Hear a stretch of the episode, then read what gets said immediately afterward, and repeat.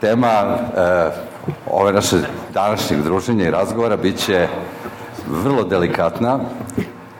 U Srbiji bi rekli da je možda a, tema pod navodnim znacima više vezana za žene, čisto možda u biološkom smislu, ali u psihološkom apsolutno i za žene i za muškarce, a naslov je kako se pomiriti s činjenicom da ne možete da imate decu. E, na početku bih voleo da vam e, predstavim svoje goste, a pre toga da se zahvalim Hemofarm fondaciji, ljudima iz Orču placa koji su nam evo ovako ljubazno opet ustupili ove srede ovaj prostor. E, tema je vrlo slojevita, neki će reći teška, ali mislim da ćemo uspeti da je osvetlimo iz različitih uglova. Naše gošće su zato Danijela Galović, psiholog i psihoterapeut. Danijela, zdravo.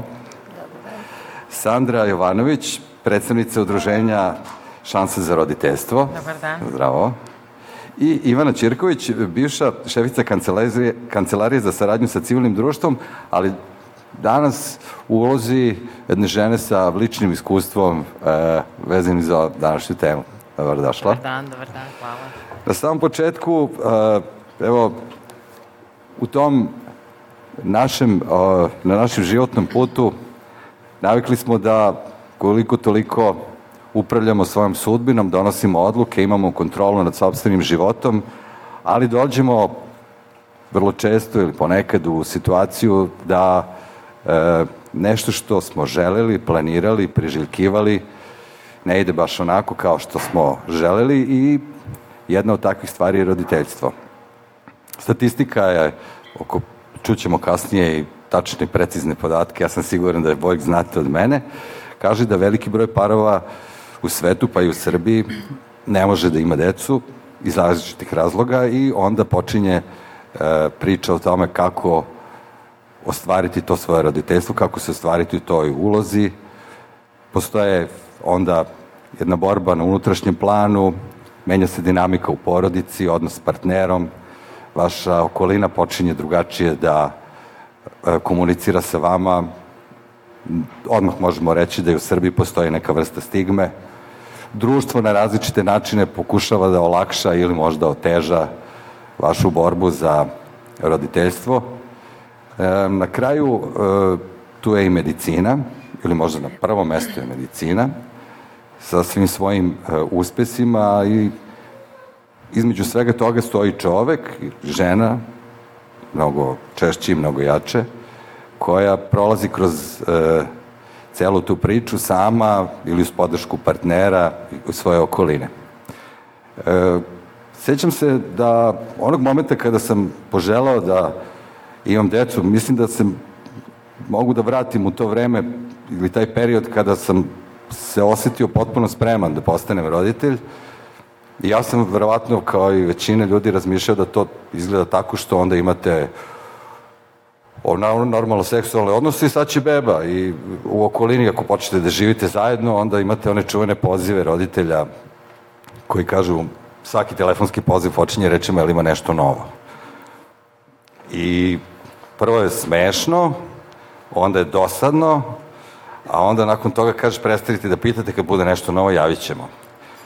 I moram da kažem da je, pošto imam dva sina, jednu godinu dana je prošlo dok se to nije desilo, takođe dobro pamtim i trenutak kad smo saznali da je supruga trudna, ali a, mogu da kažem da smo u jednom trenutku počeli da razmišljamo o tome, aha, moguće da se desi da to ne može, šta onda treba da se radi, da li treba da odemo kod doktora, šta možda nije u redu sa nama. Vreme prolazi, e, statistika kaže da sve češće e, i sve kasnije stupamo u brak, a onda i žene sve kasnije se odlučuju da postanu majke. Tu je jedna ozbiljna borba s vremenom i između svih tih bitaka evo, ovaj, pojavljuje se različiti psihološki, a neću da kažem problemi, ružno reći, ovaj, postoje problemi, ali e, šta je to što je možda u osnovi tog straha ili tog psihološkog suočavanja sa činjenicom da ne možete da postanete roditelj. Evo ja bih počeo sa koleginicom psihološkim. E, Pa, onaj ko je želeo da ima dete, sigurno je nekako razmišljao kako će izgledati budućnost, imao je neku viziju porodice, kako će to sve izgledati. I onda kada ima problema i oni traju neko vreme, vi pokušavate, ne dolazi do trudnoće, uh, onda jel, se ode kod lekara. I uh, to uh, suočavanje sa tom diagnozom steriliteta ume da, da bude priličan šok zato što uh, to nije neko stanje koje uh, najčešće, jel, nije neko stanje koje uh, je praćeno određenim tegobama. Tako da vi sad zdravi ste, partner vam je zdrav, prosto ne razmišljate o tome da bi moglo da dođe do problema. I to je sada nekako na nekom psihološkom nivou kažu da je u reakcija na to je u relaciji sa reakcijom na neke teške bolesti, dakle diagnoze, nije fizički, ali u nekom simboličkom smislu se na sličan način doživi. Nekako pre nekoliko decenija dok nije postojala van telesna oplodnja, to je zaista bila katastrofa. Dakle, to je bio slom svih nekih životnih planova i nadanja. Ono što je e, sada dobro, to je da kada se saopšti diagnoza steriliteta, obično, a nadam se da je tako, nadam se da su e, kolege lekari prosto dobro informisani, da onda odmah mogu da daju informacije e, o postupcima van telesne oplodnje, tako da onda nekako odmah možete da dobijete i nadu, odnosno neku novu šansu. Nekada ta diagnoza može da se, dozove, da, se, da se doživi, možda paradoksalno zvuči, da se doživi i kao olakšanje u onim situacijama kada se tačno utvrdi šta je uzrok steriliteta. I onda neki parovi kažu, pa eto sad bar znamo protiv čega se borimo. Znači znamo sad šta nam je činiti, to je to. Međutim, malo je komplikovanija priča, a u velikom broju parova se to dešava da je neutvrđen uzrok i da neko, nikako da se desi, a da zapravo ne znate zbog čega se to dešava. E, tako da van telesna oplodnja je e, možda e, interesantan koncept, da kažem, zato što i lečenje i nije lečenje, jer vi zapravo ne znači da ćete uh, izlečiti sterilitet ako idete na vantelesnu oplodnju, ali je to način da zaobiđete problem i da uh, dobijete bebu i uh, na sreću da, da se medicina razvije u tom pravcu i da, da je omogućila sve to. Međutim, kod nekih parova ili kod nekih osoba prva reakcija može da bude i neverica, da prosto idu po raznim lekarima, traže drugačije mišljenje, idu u različite laboratorije laboratorije, to nekad kao prva reakcija može da bude i korisno, zato što su ta osjećanja nekad tako preplavljujuća da je ovo način da se od toga zaštitite. Prosto negirate da ste čuli to što ste čuli. Međutim, e, nije dobro ako to e, dugo traje, zato što vas onda blokira u tome da pokušate da, da preduzmete nešto po tom pitanju, dakle da, da krenete sa e, rešavanjem problema. Takođe, naravno, javlja se i strah i anksioznost. E, javlja se recimo i sumnja u to kako će sada taj drugi partner e, e, podneti tu činjenicu da je kod vas pronađen problem sa sterilitetom. Kako će to uticati na vaš odnos? Javlja se, počnete da se osjećate krivim, zato što sad vi tom svom partneru koga volite, sa kojim želite porodicu, na neki način uskraćujete mogućnost za to i onda se javljaju različite sumnje da li će partner ostati sa vama, da li će želeti da, da prolazi kroz sve to. E, tako da je jako važno onda da, da, da tu, mislim da o tome ćemo vjerojatno pričati kasnije, ali da nekako mogu da, da se razumeju partneri u tome i da mogu da, da uđu u, u sve to zajedno kao tim. E, takođe, jedna od reakcija koja se možda javlja kasnije, znači ne na samom početku, ali kasnije, ako neko već više puta e, imao neke neuspešne pokušaje, je izolacija. Prosto onda ljudi imaju potrebu da se e, sklanjaju iz okoline. Sad, mislim, svako od vas je verovatno bio na dečijim rođendanu, pa sad znate, uđete, ostavite jaknu, priložite dete onoj grupi dece koja se igra sa animatorima i sednete ovde sa odraslima i, i neko ko nema dete odmah na početku se već suočava sa, sa tom razlikom. Pa onda sedite, pričate sa svojim prijateljima, pa malo, malo pritrči nekom, neko dete, uh, hoće da jede, da pije, da, da se požali na ne, neko drugo dete i prosto takve situacije onda uh, čine da se osjećate tužni, nekad se javljaju i neka osjećanja na koja uh, baš niste ponosni, recimo da zavidite nekim svojim prijateljima koji inače volite na tome što imaju dete. I to moram da, da naglasim na početku, to je, bez obzira što je neprijatno osjećanje i što zamerate sebi, to je jedno možda prilično razumljivo i prirodno osjećanje i nekako tako treba i da ga doživite ali se ljudi zbog toga čest, često sklanjaju. Prvo zato što su povređeni e, takvim situacijama, tim nekim, da kažem, simbolima plodnosti kad gledaju trudnice drugu decu, a drugo i zato što nekako žele da se zaštite od tih sobstvenih reakcija koje nisu prijatne. A, a s druge strane je jako važno da održe kontakt sa prijateljima upravo zato da bi im oni pružili podršku, što, što se nekada ne prepoznaje.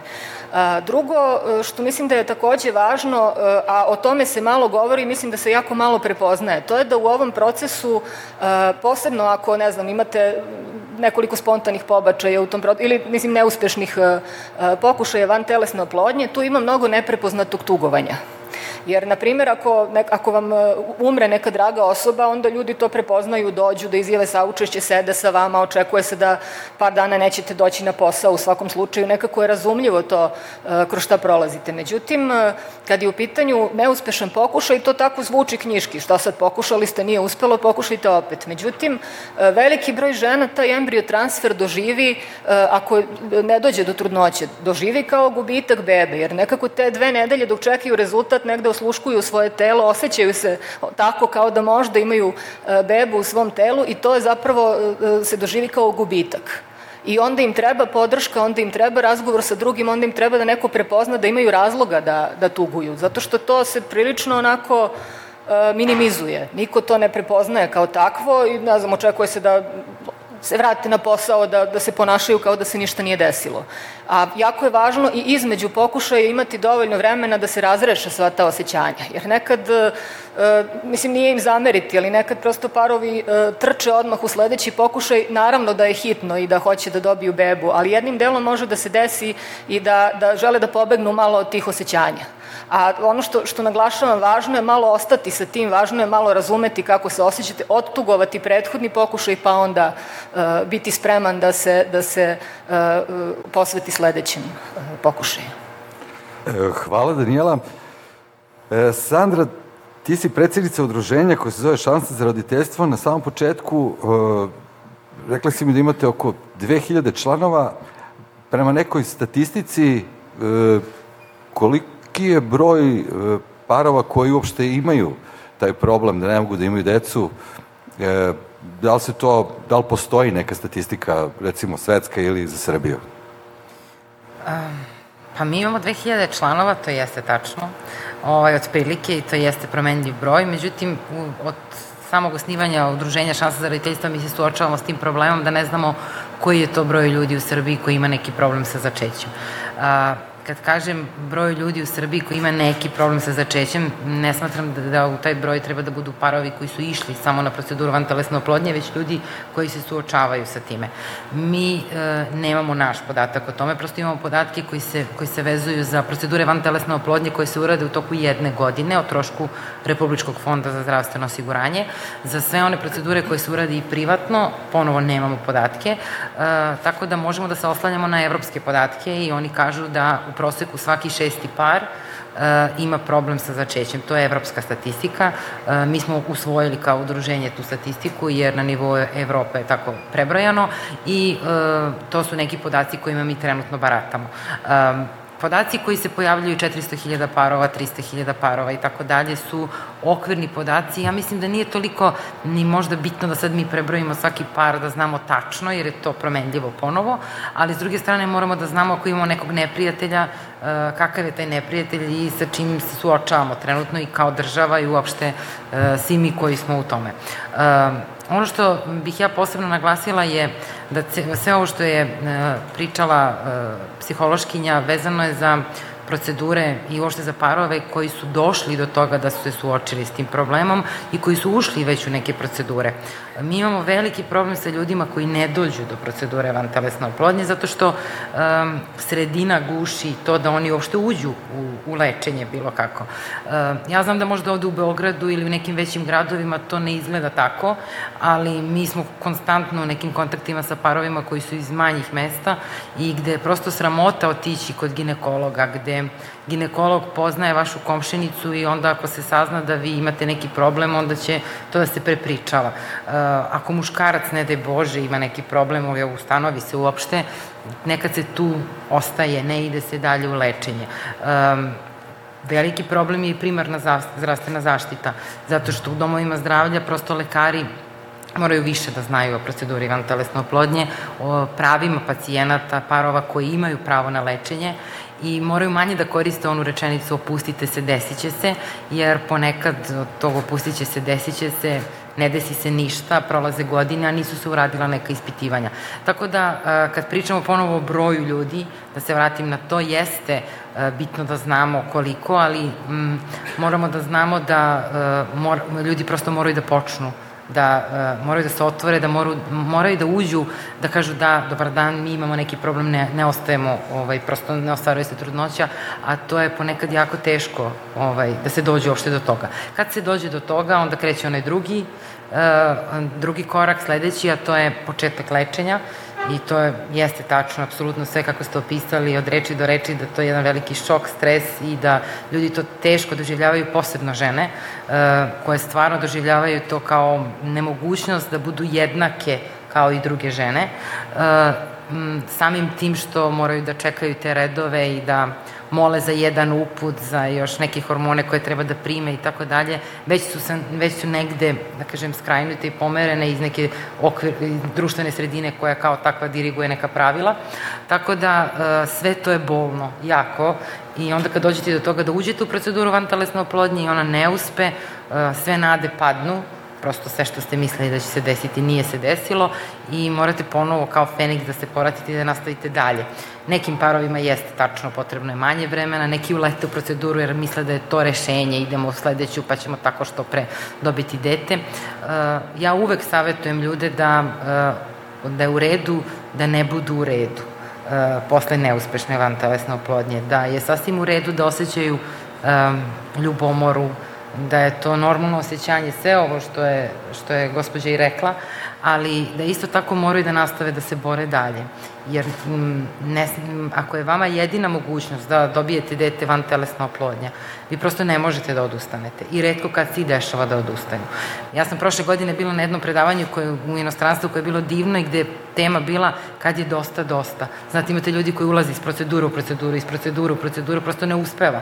I onda se u jednom trenutku pitate, pa dobro, kada stati, kada prestati, da li prestati uopšte, ili tako ići do nekih godina kada više stvarno nemate nikakve šanse, ovaj, jako je to individualno pitanje. Nekima je usvajanje rešenje, no, nekima nije i to prosto ne možete da savetujete globalno društvo, mora svaki par da donese odluku onako kako oni misle da treba. E, tako da, ja mislim da je na osnovu ankete koju smo radili, kad, da, li, da li biste odustali ili da koji je procenat ljudi koji odustane uopšte, samo 1% parova u Srbiji od 5000 i nešto koliko smo mi u toj anketi uradili, je rekao da bi odustao od procedure. To pokazuje da su ljudi e, prosto u velikoj želji i da se redko odluče upravo da, da kažu dosta je, ja više ne mogu. Ali psihološki šta se to ostavlja na te ljude i kako se oni nose sa tim i finansijski, i psihološki, i društveno, to su neka druga pitanja. Hvala Sandra. E, Ivana, ja bih želeo sad do tebe da čujemo ovaj, lično iskustvo, dakle, evo, Daniela je pričala o psihološkim aspektima, ne znam koliko si mogla da prepoznaš, obično kad slušamo psihologe, odmah se pronalazimo ovaj, u, u, u onome što govore. O, to osjećanje ili taj plan da sad odluka da, da se krene u, u borbu za roditeljstvo, e, kako je izgledala ta tvoja o, dilema, borba, da li, mislim, borba uslovno rečeno. E, kako si se ti suočila sa tom činjenicom i sa tom vešću? Da. Pa ja moram da kažem, ja sam jutros imala jedan privatni razgovor sa drugaricom koja organizuje između ostalog ovo i potpuno smo, uh, nije bilo u planu da se dotaknemo ove teme ja sam počela da pričam svoje iskustvo ili iznela neke činjenice, ona je rekla, fantastično, ti si nam sagovornica Tako za večeras, treba, da. jest. ovaj, e, o, hoću da kažem, nisam se nešto posebno pripremala, ali baš i dobar ovaj primer, mislim, koji može mnogima da posluži. Pa evo, e, ja imam 47 i po godina, I ja iskreno nikad nisam, do, do pre jedno dve ili tri godine nisam imala ideju niti želju da postane mama, niti imala osvešćen taj deo da treba da imam dete. E, nekako moje i primarno i sekundarno okruženje i prijatelji da kažem, većinski žive neku drugu vrstu života koja je, koja je više naginjala karijeri, nekakvom zadovoljavanju ličnih potreba, e, dobrom, udobnom životu i tako dalje i ostvarivali su se u mnogim drugim pravcima i nikad nam to u, u tom nekom mom okruženju to nikad nije bila velika tema. S druge strane imamo, imam čak tri bračna para, od toga mislim da nisu zakonski ovaj, venčani, koji su usvojili, usvojili decu, tako da je bilo jedno vrlo liberalno okruženje koje nikad nije nametalo, počevši od moje porodice, nikad nije nametalo a, temu dece. Moja sestra ima dve, dve čerke koje su već a, velike. Međutim, ja sam u 40. već sam ostvarila sve svoje ovaj, želje i prohteve i počela da razmišljam o tome i mislila, pa mislim, bilo bi dobro da se ostvarim kao mama.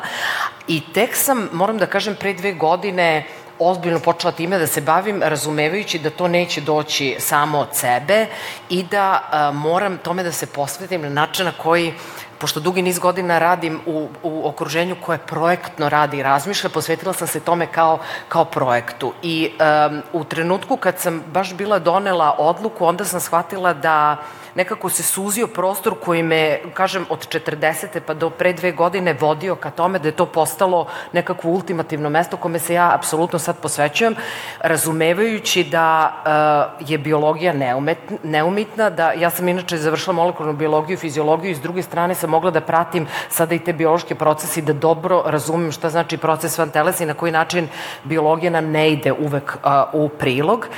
I od pre dve godine sam ja, kažem, baš se tome posvetila na način na koji sam dala otkaz na poslu na kome sam radila, uzela kredit i dogovorila se sa svojim partnerom da ulazimo u ovaj proces. E sad, e, e, to je podrazumevalo da se naravno naoružamo strpljenjem, velikom željom, upornošću, ne znajući naravno koji su korici koji nam predstoje. Ja sam isto, ovaj, slušajući ko, da kažem koleginice, ranije imala istu želju misleći, ma da, kako, naravno da će to sad brzo doći i odmah doći. Međutim, odmah na početku sam dobila jasne biološke statističke parametre da su šanse skoro nikakve, minimalne, one su date u brojkama i da možemo da pokušavamo, ali da je moja opcija u odnosu na moju fiziologiju, anatomiju, u, u dobroj meri donacija jajne ćelije. E, I ja bih možda se više posvetila toj temi ohrabrujući, e, e, ohrabrujući druge da se odluče na taj korak, jer sam ja sad već duboko u tom procesu i evo izneću, izneću neke stvari o tome. Ja sam znači za poslednjih godinu i po do dve imala jedan operativni zahvat, oporavak, pripremu preoperativnog zahvata, oporavak od nekoliko meseci nakon toga i onda više mesečne pripreme koje su trebale da kažem da boostuju sistem i moji partneri partnerom, pošto smo oboje u godinama, hormonske stimulacije, različiti, različiti um, um, ne znam šta sve nismo pili i koristili, to sigurno vi znate, znači to su, čitavi recept, to su čitave recepture od onih domaćih lekova, kombinacije kopriva, e, kopriva i mikseva raznih i ostalo do ozbiljnih hemijskih e, preparata koji e, koštaju čitavo, čitavo naravno malo bogatstvo. Mi smo jedan period bili pod tim terapijama, ne bili podigli sistem koji bi trebao da nam omogući i praktično od septembra prošle godine sam ja imala sedam pokušaja u mesec za mesecom, um, zbog toga što mi je savet bio ne samo od klinike u kojoj sam bila privatno, naravno, već i naravno sa raznih drugih strana. Ja sam dodatno iskoristila sve svoje resurse i sva svoje poznanstva i sve ostalo ne bili proširila tu mrežu koja bi mi dodatno omogućila još informacije, još konsultacija, još ovoga i onoga i praktično ušla u jednu potpuno novu, da kažem, subkulturu, e, ceo jedan potpuno novi svet e, samohranih majki, e, roditelja koje imaju decu dobijenu i donacijom jajne ćelije ili spermatozoidi i tako dalje. To je jedan potpuno paralelni svet o kome vi verovatno znate više. Ja sam samo jedno kratko vreme, ali u jednom uh, velikom intenzitetu ovaj, uh, u, to, u tome prisutna.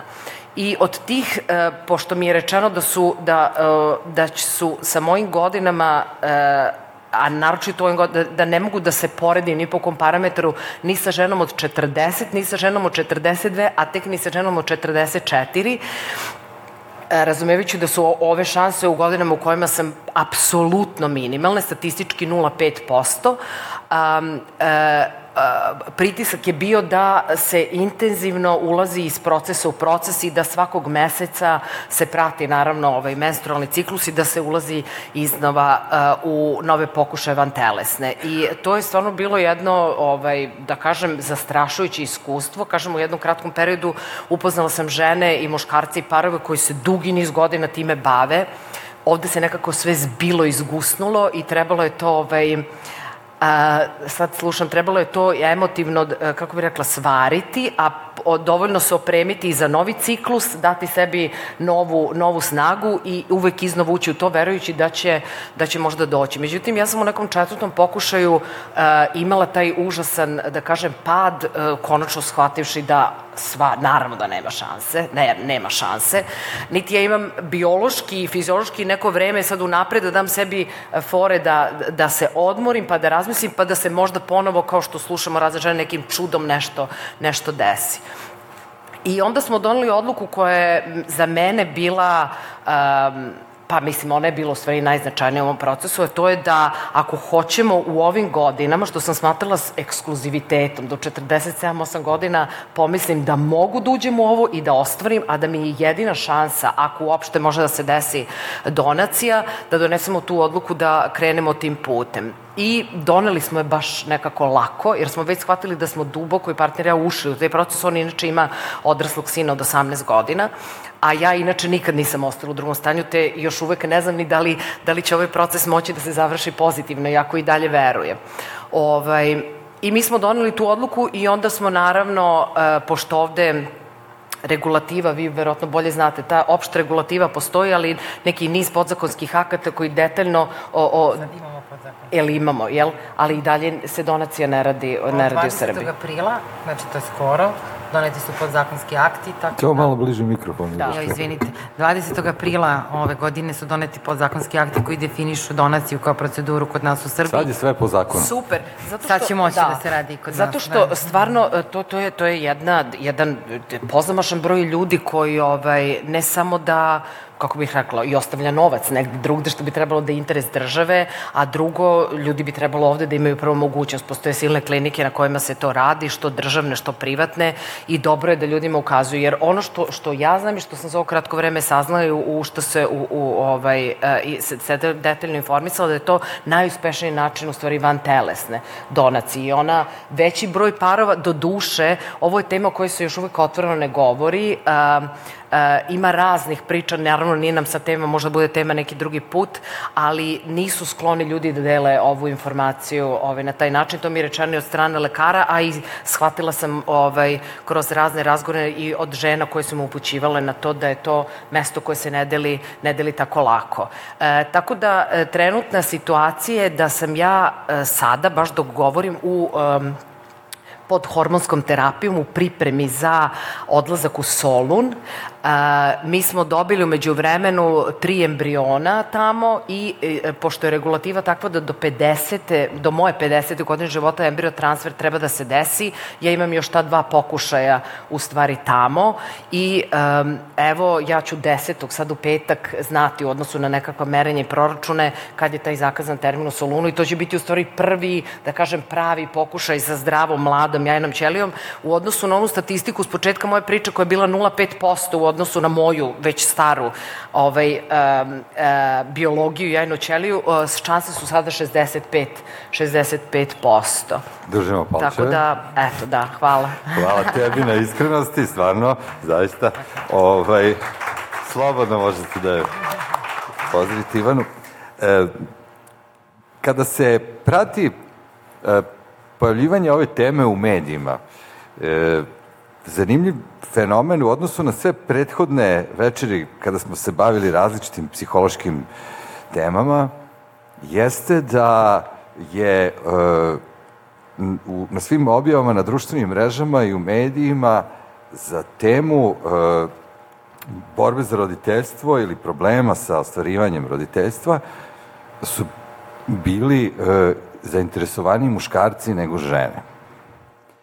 E, to je takođe tema o kojoj se malo govori i o kojoj vrlo redko ljudi govore u svom okruženju, plašeći se stigme ili osude, a sad mene zanima da li u, u tom procesu e, je kako se, da li postoji razlika uzmeđu, u percepciji ovog problema između muškarca i žene u partnerskom odnosu?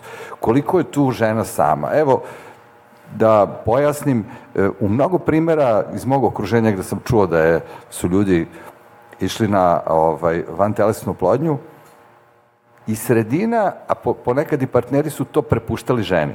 To je njena stvar. Muškarac se tu nekako izvuče iz te jednačine i ono, ako nije to ona će to da reši. Ja tu mogu da budem šofer, vozač ili ne znam, neka logistika. O, da li muškarci od toga beže kao temi, kako se suočavaju i da li postoje razlika u toj psihološkoj dinamici kod muškaraca i žena vezanih za ovu temu? Pa postoje, mislim, sam postupak van telesne oplodnje podrazumeva da bez obzira kod koga je ustanovljen problem, prosto mora žena da prođe kroz Zvuči najveći deo kraj, tih tako, da. procedura.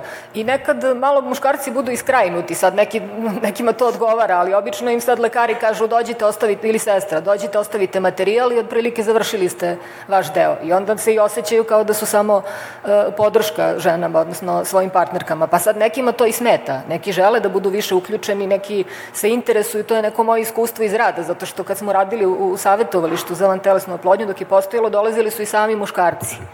I možda je čak i, i to neki znak, da, da dolazili su i parovi naravno, ali da su nekako muškarci bili otvoreni kad su dolazili sami. I mislim da, da je možda taj deo nekako zanemaren. Žene zaista uh, prolaze kroz, onako, to je stvarno uh, kažem, dobro je što, što postoji, e, e, sreće da, da postoji, ali to je jedan postupak da imate stalno nekakvo, e, nekakva bockanja, hormonske inekcije, laboratorijske analize, prosto i ti postupci embriotransfera, aspiracije su malo invazivni, moraju da budu takvi i, i žene su izložene tome, a malo nekako muškarci prođu ispod radara. Mislim, jesu na neki način manje ovaj, izloženi svemu tome, bar u tom nekom fizičkom smislu, znači sam njihov organizam, ali emocionalno takođe e, umeju da, da pate i nekako e, tuguju, a da u stvari to, tek to niko ne vidi. Međutim, moram da pomenem ipak da e, jeste ono što je i taj neki deo stigme i dalje se to nekako smatra ženskim problemom. I recimo neka istraživanja su rađena da taj neki nivo stresa koji se meri je veći kod muškaraca kod kojih je otkriven neki, neki faktor steriliteta. Ali da generalno, bez obzira ko od para unutar para, dakle ima problem da, da žene uvek imaju e, više izraženu stresnu reakciju. Tako da one kao da se na neki način osjećaju odgovorno za funkcionisanje para i u tom smislu e, je važno da, da postoje te različite reakcije, da bi se te razlike prepoznale. E, svi ti načini reagovanja su zapravo legitimni, jer naravno neće sve žene reagovati isto, niti svi muškarci isto, ali rekla bih da generalno može da se kaže da žene su možda spremnije da razgovaraju o tome, da one aktivnije traže podršku, žene su na kraju najčešće i te koje uopšte pokrenu par da, da kada ne dođe do trudnoće e, posle, po, mislim ovako da kažem, e, posle nekih pokušaja pre nego što se obrate lekaru, one, one organizuju to sve, one prikupe informacije, one uglavnom e, su inicijatori toga da se ode kod lekara a muškarci nekako pokušavaju da ne misle o tome ili su onako praktično se usmere na problem da vide šta može da se uradi, da ako treba nešto organizaciono, ali e, e izbegavaju da se bave osjećanjima. E sad, naravno, ja e, ne mislim da tu odmah treba nekako ih pričvrljiti, pa sad krenuti odmah i kad radite sa njima iz ugla, jel, psihologa sada pričam, da odmah moraju da se bave svojim osjećanjima. Ali mislim da je ono važno, ono što je važno za par da bi mogao da funkcioniše kao tim kroz sve ovo, kroz što prolazi, je da se razumeju te razlike u reakcijama. Zato što kada su ljudi osetljivi, kada su ranjivi, kada im se dešava sve to što im se dešava u tom procesu, onda su i skloni da pogrešno tumače neke, neke reakcije, skloni su tome da zameraju jedni drugima i ljuti su nekad, je, mislim su ljuti na sebe, ljuti su na svoje telo što ih izneverilo, ljuti su na to što recimo, ne znam, sad od finansijskih mogućnosti zavisi da li ćete vi moći da nastavite s pokušajima. Prosto ta ljutnja onda nekad su malo onako imaju kratak fitilj, pa često se isprazne jedni na druge. E, da se to ne bi dešavalo, jako je važno da razumeju zašto sada taj drugi partner reaguje na neki drugačiji način. Pa to što recimo muškarci češće koriste te neke druge strategije da se izbore sa tim osjećanjima, e, da, važno je da se to ne prepozne uvek kao znak da su oni neosetljivi, nezainteresovani, da ne žele da se bave tim problemom. A muškarci opet često svoje partnerke doživljavaju e, kao, e, pošto one često pričaju o tome, u krajnjem slučaju to i zbog toga što, kažem, se sve to dešava u telu žene. I onda nekako osluškujući telo, žena nekako uvek ne, ne može da pobegne od te teme. Mislim, ne možete sada da se zatrpate poslom, prosto nešto osetite pa odmah počnete da razmišljate da li je to znak da ste trudni ili šta se već dešava ili se uplašite ako se desi nešto nepredviđeno u, u vašem telu. Tako da muškarci mogu onda žene da, da žive kao da su opsednute, da pričaju samo o toj temi, da zanemaruju njihov partnerski odnos, da ništa drugo nije bitno.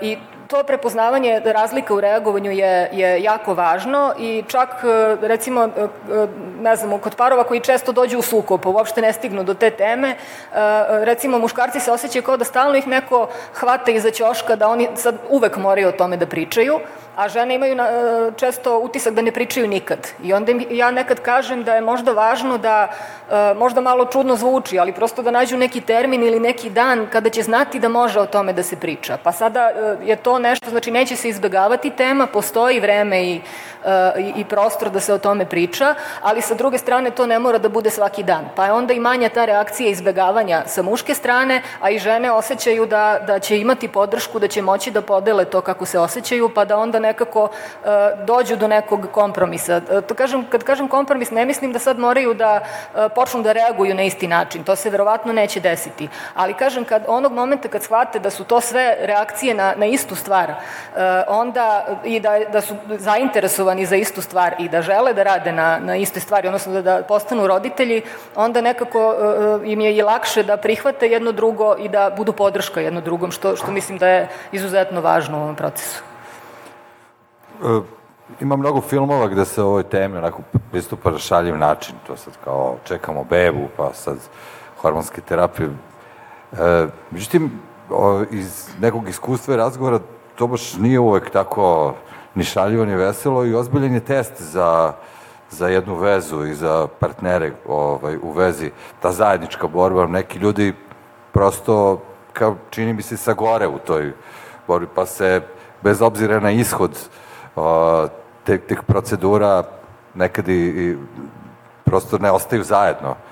E, kako izgleda, evo, e, na taj dolazak ljudi kod vas u, u udruženju ti već mo, da li možeš da proceniš kad, kad dolazi ljudi, da li dolaze kao par, da li dolazi samo žena, da li se stide da pričaju o svojim problemima. E, rekla je Daniela jednu rečenicu koju si i ti pomenula kada smo razgovarali pre ovog, o, najtužnije je kada novac bude jedini presudan faktor za neke parove, da li mogu da se upuste u tu borbu za roditeljstvo ili ne. Prosto, kakav je taj tvoj prvi utisak, e, koliko su često u toj borbi za roditeljstvo par, a koliko žena samo o tome? Pa ja bih prvo krenula od ovog e, što ste pitali ovaj, Danijelo, a to je muškarci i žene. A, zato što po podacima koje imamo i koji su zvanični, a to je da je podjednako zastupljen muški infertilitet kao i ženski, što znači da 40% dolazi od strane muškaraca, 40% od strane žene, a 20% je taj idiopatski sterilitet ili ti sterilitet, sterilitet nepoznatog uzroka, koji je naravno u mnogo manjem procentu u odnosu na, na one koji su poznati. Ali zašto to ističem? Iz tog razloga zato što nekad je vladalo ono opšte mišljenje koje vlada i sad kroz seriju Koreni na RTS-u s vremena na vreme, a to je da je žena problem. Žena je jalova, bez obzira što on ima problem, ali žena ima problem. Ovaj, to se nekako razbilo. Zato što su podaci pokazali upravo suprotno, a to je da jednaki ste i tu ste jednaki i od toga se ne može poveći tek tako. Ovaj, tako da moraju da jednako i stoje pred tim problemom bez, bez obzira na to da li problem dolazi sa jedne ili sa druge strane.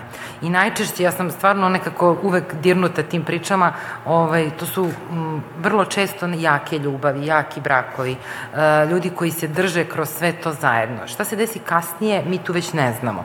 Da li m, svi ti problemi kasnije dovedu do nekih raspada, prosto do nekih dodatnih problema, e, mi prosto nemamo kontakte sa njima kad dobiju dete, mi smo u ovom prethodnom periodu, u ovom strašnim. Ovaj, tako da e, ne mogu sad da kažem šta, šta je posla, ali znam, vidim e, da, e, da prosto zajedno koračaju kroz proceduru vantelesne oplodnje. Dešavaju se situacije na samoj proceduri vantelesne oplodnje da medicinska sestra u nekom, nekoj državnoj klinici ne dozvoli suprugu, izvinite, ovaj, da uđe prosto dok se radi neki pregled ili slično. On ima želju da bude kad ne rade folikulometriju ili šta god, a, to su situacije koje ostavljaju veliki onako trag i utisak zato što prosto muškarac želi da bude tu. A, ono što je pohvalno je takođe da i od kad mi postojimo povećao se taj neki broj poziva i mailova i dolazaka muškaraca. I mene to posebno raduje, posebno nas raduje uopšte kad se javi e, muškarac i kaže mi imamo problem, taj i taj, kako sad to da rešimo, šta, to da, radim, šta da radimo. Imamo recimo jedan par koji konstantno ovaj, zove telefonom, oni su imali 11 procedura van telesne oplodnje, uvek zove muškarac. Ženu nikad nismo čuli, ali on uvek, uvek i njegova inicijativa i sad se očekuje da to u stvari bude priča da sad on ima problem, nije tačno, ne, uopšte ne dolazi do njega i nikad e, prosto nije s njegove strane problem, ali to znači da ravnopravno stoje u tome. I To su um, najčešći problemi koji dolaze posle toga je kako da se ide dalje u procedure, da se nadovežu na pitanje, to je finansijsko pitanje. Uh, država finansira tri postupka van telesne oplodnje, a moram sad da se nadovežim i na onu priču pravilnika, a to je da smo dobili te pravilnike koje smo toliko iščekivali, koje smo toliko pominjali, mislim da smo jako zaslužni uopšte i za ovaj, donošenje tih pravilnika gde će donacija moći da se radi kod nas. E sad, donacija kao procedura, uh, vi ste odlično objasnili jednu stranu te donacije kad je u pitanju donacije jajnih ćelija, mislim da ljudi ne znaju uopšte šta znači procedura donacije kod nas i da je to neki nastavak na proceduru van telesne oplodnje, jer kad shvatite da nemate reproduktivnih ćelija, bile one muški spermatozoidi ili ženske jajne ćelije, vi, ste on, vi se onda upućujete na donaciju. To nikako nije laka odluka. Treća solucija je donacija celokupnog embriona. Šta u stvari to znači. Onda mi se često dešava da pitaju, sad i novinari dosta pitaju oko toga šta sad ovo znači, da li ja mogu da budem donor i uopšte pritom jasno je da ljudi nemaju ni predstavu ovaj, baš o samoj proceduri. E, prvo treba razbiti to da ljudi idu na donaciju iz hira. Znači ljudi ne odlaze na donaciju zato što žele da im dete ima tu i tu boju očiju ili da se rodi tada i tada ili ne znam šta se koje predaje su da još dodatno postoje, ali postoje. Znači ljudi idu na donaciju zato što moraju, zato što im je to e, dato kao takvo jer nemaju svoje ćelije, prosto niko ne odlazi zato što eto, tako mu je došlo da, da ide na donaciju ćelija. Ovaj, e, donacija embriona je jedan, još jedan viši nivo, a posle toga tek ide surogat materinstvo. E, zašto, kažem, donacija embriona je jed, nešto iznad? Zato što kod nas u zemlji i u većini evropskih zemalja kreiranje embriona je zabranjeno, što znači da vi od donatorske ćelije i donatorskog spermatozoida ne možete da, da kreirate neki embrion. E, već mora embrion da bude takozvan ostavljen. Znači, jedan par koji je prolazio proceduru vantelesne oplodnje, ima višak svojih embriona, dobio je svoje dete i ne trebaju mu preostali, e onda on ostavlja te embrione i ti embrioni se daju nekom drugom paru. Što znači da taj par koji uzima te embrione nije biološki, neće biti biološki roditelji ovaj, tog deteta, ali bez obzira na to oni će biti roditelji tog deteta. Uh, vrlo je bitno da se razume procedura van telesne oplodnje pre nego što uđemo uh, kao zemlja u nju uopšte, jer smo na pragu da počne da se dešava to kod nas. Uh, pitanje donatora je dodatno pitanje, znači ko će biti donator kod nas. Um, A onda se vraćamo na ono pitanje s početka, to je uh, donacija kad, je u pitanju, kad su u pitanju spermatozoidi i donacija kad su u pitanju jajne ćelije. Ja sam pomenula malo pre u našem razgovoru pre ovoga da sam pričala sa jednim lekarom koji se dugo bavi donacijom, dva, skoro 30 godina ne, 20, izvinite, i uh, kaže da od kad radi proceduru donacije nikad nije imao problem kad je u pitanju bila žena. Što znači da kad su se donirale jajne ćelije ženi da prosto nisu njene jajne ćelije, ali da kad su u pitanju donirani spermatozoidi da se često dešavaju problemi zato što muškarac prosto ne može da prihvati da je to njegovo dete i da otprilike godišnje imaju od 4 do 5 tih nekih slučajeva kada je problem ta, te vrste. To je psihološki naravno problem. Um, zato kažem da treba parovi da budu spremni da prosto uh, suočavanje sa tim da vam je potrebna donacija može da bude teško. I jeste teško. I veliko je pitanje etičko, vaša lična odluka, da li će oni to govoriti ili neće, to je ono što ste vi pomenuli, to treba stvarno da ostane na njima, jer ja, društvo naše još uvek nije spremno, zato, se, zato ljudi to ne pričaju. Ja bih volila da ljudi stvarno govore otvoreno o donaciji, međutim mislim da još uvek ne znaju, pa iz neznanja dolazimo i do toga da prosto skrivaju takve stvari. A onda se vraćam na istu priču, a to je da se dešava da neko, sigurno poznajete nekog ko je bio na, on kaže, oni su otišli u Prag i tamo su uspeli, oni su otišli u Solu, oni su tamo uspeli, niko neće reći da su oni tamo išli na donaciju, jer to se krije, prosto to ne sme da se kaže ovde, ovaj, iz mnogih razloga, naravno tu je, uglavnom su to neko neprihvatanje našeg društva toga. Tako da, e, problema je mnogo i ova jeste slojevita tema jako, naročito kad se ulazi u priču o donaciji. Vantelesna oplodnja kao vantelesna oplodnja e, je e, jedna procedura koja traži jedan posvećivanje, naravno, u potpunosti, najčešće se dešava da se ljudi posvete samo tome. I onda žive od vantelesne do vantelesne. E onda se desi da iskoristite tri postupka o trošku države, da vama to ne uspe, jer procenat uspešnosti nije 60%, nego je svega živorođene dece 18 do 20% i onda kad potrošite onda nemate sredstava, onda ste u jednom mraku zato što nemate para, nemate više nemate dece i onda ljudi prosto prodaju stan, uzmu kredit, zadužuju se. Mislim da su strašne priče ljudi koji pokušavaju da dođu do potomstva, ne mogu. E, zato i mi postojimo negde ovaj, da, im pruži, da im pružimo podršku i da apelujemo na državu neprekidno da treba više pomoći tim ljudima, jer ti ljudi su prepušteni sami sebi posle te treće vantelesne oplodnje. Muškarci koji imaju problem sa azos spermijom, iako imaju zaleđen uzorak, ne mogu o trošku fonda da idu na proceduru. Žene koje imaju 42 godine i jedan mesec ne mogu na proceduru van telesne oplodnje. Tako da finansijski problem svakako jeste veliki. Uh, I ne treba nikad zaboraviti koliko para treba za jednu proceduru van telesne oplodnje, za donaciju još više. I to što smo dobili pravilnike ne znači da, da će biti plaćena donacija kod nas, to je isto vrlo bitno da istaknemo, zato što to se definiše se donacija kao, kao kod nas, ali e, to ne znači da će RFZO platiti uh, celokupnu proceduru. To bi trebao da bude sledeći korak i nadam se da ćemo i tu negde uticati da prosto država bar nešto finansira, teško da će finansirati celu proceduru donacije, tako da, eto, to je nešto ukratko. Ja sam probala sad u ovo, sad svašta nešto da ispričam, nadam se da sam pomogla. da, sve smo razumeli, hvala jel, Sandra. Jel mogu ja da se nadovežem odmah bez e, pitanja? Da, da, Mislim, šta sad ima pitanje? Potpuno će... smo tu, da. E, htela sam samo da kažem ovo, um, e, ono oko donacije, mislim da je to vrlo važna tema. Mislim, ja bih se stvarno fokusirala na, na to. Um, e, Kad je trebalo da donesemo odluku, onda sam naravno prikupila informacije koje sve od, od onih koji su voljni da dele to i onda sam razgovarala sa jednom ženom koja je u 33 godine dobila informaciju da ima parametre kao ja u 48, odnosno da već ulazi u menopauzu e, i tad je rečeno da, da apsolutno nema nikakve šanse. Ona je imala neka tri pokušaja i tad mi je rekla žalim što sam mi na to dala pare i izgubila vreme jer sam mogla odmah da idem na donaciju što je kasnije uradila u slučaju dva deteta. I kad sam ja pitala e, kako je donela sa tu odluku, ja sam tražila u sebi naravno to neko mesto, znajući da sigurno želim da idem tim putem, ali trebalo mi još neko mesto da osiguram u smislu argumentacije dodatne. I onda ona meni kaže, Pa dobro, nije valjda da dete izjednačavate sa genetskim materijalom. Koliko vi ličite na svog oca, na svoju majku ili koliko moje dete liči na oca i majku? Zato što jedine četiri stvari ili u kontekstu soluna, na nekim drugim mestima su i druga pitanja, koje vas pitaju kada birate donorku, jesu samo fenotipske osobine, znači osobine spoljnih kar karakteristika, što je potpuni absurd.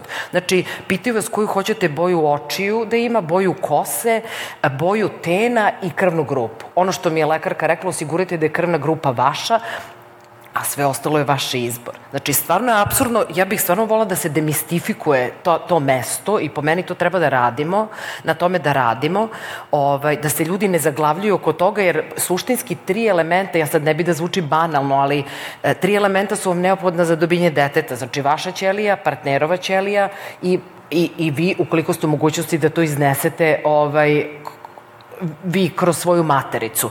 Od ta tri parametra u slučaju donacije jedan nije taj. Znači, hoću da kažem i dalje, ako ste u mogućnosti da iznesete dete, to je mnogo lakša opcija. Ja sad pokušavam da nađem argumentaciju i da predstavim na način na koji može da se olakša taj proces u boljem razumevanju, da, bi pripise, da, bi, da ne bi pripisivali nekakve, nekakve uh, van kategorija parametra u prilog donac ili tome. Znači, četiri parametra koje određuju na koji način se bira vaša donorka. I mislim da je stvarno strašno. Mislim, potpuno je besmisleno zvuči. Dodatno, Ono što je meni rečeno u, u Solunu jeste da od 100 donorki otprilike oko 50 prođe te rigorozne kontrole na uh, genetska, nasled, genetske nasledne bolesti. Vi suštinski, ja sad sa aspekta biologa, dobijate jednu, da kažem, čistu ćeliju koja ima te fenotipske osobine koje tražite. Naprimer, svetlo oče što mi je blisko, ne znam, ten takav, svetla kosa i tako dalje. Potpuno je stvarno potpuno zvuči sumanuto način na koji vi birate da bi to bilo mesto za kucavanje i dodatnog određivanja i dodatnog opterećivanja. Drugo, naravno, biolozi ima različitih istraživanja, možda to a, koleginice i bolje znaju, ali i sa biološke tačke gledišta nema utvrđenog, ima, ima kažem, dodatnih istraživanja gde a, a, majka, majka, odnosno osoba koja nosi dete, dodatno utiče na ekspresiju pojedinačnih gena u trudnoći. Znači, vi imate taj jedan vrlo kompleksan sistem međusobnih uticaja i ja bih mislila da je to baš mislim, nekako volim da mislim da je to jedno baš inkluzivno i dobro mesto gde, gde ovaj, mešate sve te gene u mogućnosti da ne možete da date svoje. Stvarno je strašno pomisliti da su geni ti, kao što mi reče ta žena koja me nije poznavala, da li stvarno dete izjednačavate sa genetskim materijalom. Ona kaže, moja deca, ova koju sad imamo, su lepša nego bi, u bilo kom kontekstu da su proizašla direktno iz mene. Stvarno sam samo mogla da pomislim da ću dobiti ovako, ovako lepu decu. Inače nisam lepa, prosečno izgledam i tako dalje. Da, ja sad naravno, ovaj, kažem, hoću, da, hoću da relaksiram to mesto i da kažem da ne treba sa tom nekom, ako je moguće, da ne treba sa tom nekom težinom i tako fatalistički ući u to, pripisivati sve genim ili genetskom materijalu, zbog toga što upravo vam kažem, ćelije su čisto od zdravih mladih osoba, i samo četiri fenotipske osobine su te koje vam određuju Ako da li ćete sada da... e, biologiju, odnosno fiziologiju ostavimo po strani, ono što je možda važnije jeste kako, uh, o, da se vratimo sad na ovu priču o muškarcima i ženama. Uh -huh. Znači, da li uh, u tom uh, suočavanju s činjenicom da treba da, da se, da se ovaj, dobije dete koje, ajde, neće biti u onom psihološkom smislu deo deo tebe u potpunosti, ne znam, ili kroz jajnu ćeliju ili kroz spermatozoide. Da li to ne, ali, ne da, naravno, da. A ovaj, da li to nešto menja u odnosu partnerskom, uh, odnosno da li kako izgleda razgovor uh, da. partnera pa, kada dođete na primjer, evo ja se ponovo sad vraćam na tu majku koja me, bilo je više takvih primjera, ali ova mi je ostavila utisak, ona je rekla, moj muž je sve vreme insistirao na tome da uđemo u taj proces, razumevajući da ja s 33 godine ne mogu da ostanem trudna iz tih i tih razloga. On je bio taj koji, koji me pritiskuju, koji me terao da idemo u Prag, oni su iz četvrtog puta dobili prvo dete, iz drugog puta drugo. On je vidio dok sam bila trudna s prvim detetom, rekao moramo podhitno da odradimo donaciju za drugo dete od iste donorke. On je bio taj. U našem slučaju ja sam tražila podršku partnera i pitala, pa čekaj, šta ćemo sad, sad stvarno treba da donesemo ovu veliku odluku. On je prvo rekao, kako god ti odlučiš, bit će. Ja kažem, dobro, znam kako god odlučim, ali dodatno mi trebaš ti u ovom procesu. I tad mi je rekao nešto i mislim da je isto važno to da podelim. On kaže, slušaj, mi možemo da nastavimo ovako da živimo, pošto živimo jedan, za naše razumevanje, jedan dobar, dobar, konforan uh, život. On ima dete, to dete, mislim, ja imam sestričine i to tako ispunjava na mesto, ali on kaže, mislim da će tebi biti problem, moguće da će tebi biti problem s godinama da se suočavaš s tim da nisi ili dovoljno pokušala ili da si ispustila priliku ili da se nisi ostvarila kao majka. Kad smo već došli do ovde, ne vidim da možemo sada da uradimo taj korak nazad.